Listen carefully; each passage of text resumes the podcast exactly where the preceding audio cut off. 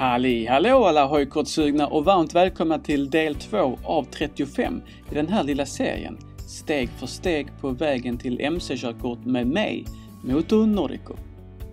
I första avsnittet gick vi igenom vilka olika behörigheter det finns, plus att vi fick ansökt om körkortstillstånd.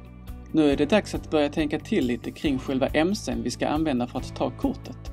Och då är det också väsentligt att klargöra om vi tänker köra helt privat, använda oss utav en trafikskola eller kanske rent av en kombination av både och. Om du aldrig tidigare suttit på ett tvåhjuligt motorfordon, alltså inte ens en trampmoppe eller en skoter, då skulle jag vilja rekommendera dig att ta åtminstone några lektioner på en trafikskola för att du verkligen ska få känna på vad det handlar om. Har du däremot, liksom jag hade, erfarenhet av både mopedkörning med manuella växlar och god kännedom om gällande trafikregler efter åratal med B-körkort, då kan det faktiskt gå att ta ett A-kort helt utan att blanda in en trafikskola. Ja, förutom riskettan och risktvåan. Men mer om det kommer vi gå igenom i avsnitt nummer 4. Min rekommendation är alltså att för dig som har ganska god erfarenhet av trafiken samt kan hantera tvåhjuliga motorfordon sedan tidigare, ge den privata vägen ett ordentligt försök.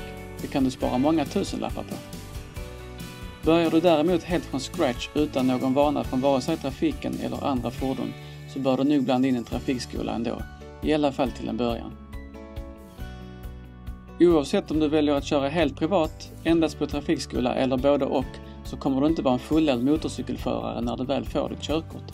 För det blir du nog i ärlighetens namn aldrig. Det allra viktigaste är att du har rätt säkerhetstänk och alltid kör med goda marginaler för att eventuella misstag inte ska få alltför allvarliga konsekvenser. Sen kommer du givetvis lära känna både dig själv och din hoj bättre och bättre med åren, men det finns alltid mer att lära sig.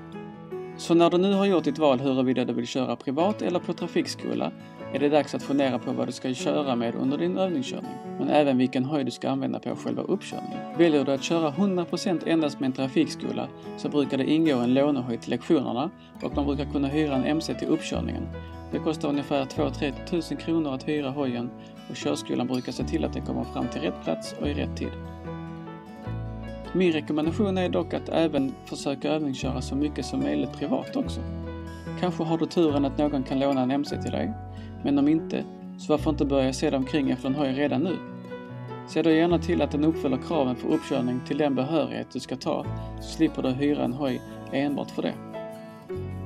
Fördelen med att köpa en egen hoj i ett tidigt skede, det är dels för att du lär känna hojen så bra som möjligt i själva uppkörningen, men även att du kan spara in pengar på lektioner eller hyra av en hoj. Och ska vi vara ärliga, så när du väl har fått ditt körkort så tänker du ändå köpa en egen hoj. Så varför inte göra det redan nu?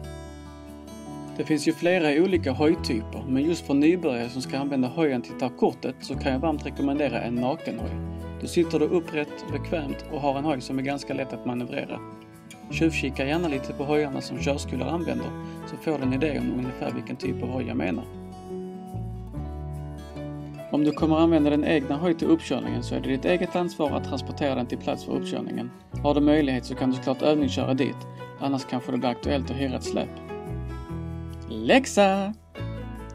För dig som kommer ta hojkortet på en trafikskola är det nu dags att leta upp och jämföra lite olika trafikskolor.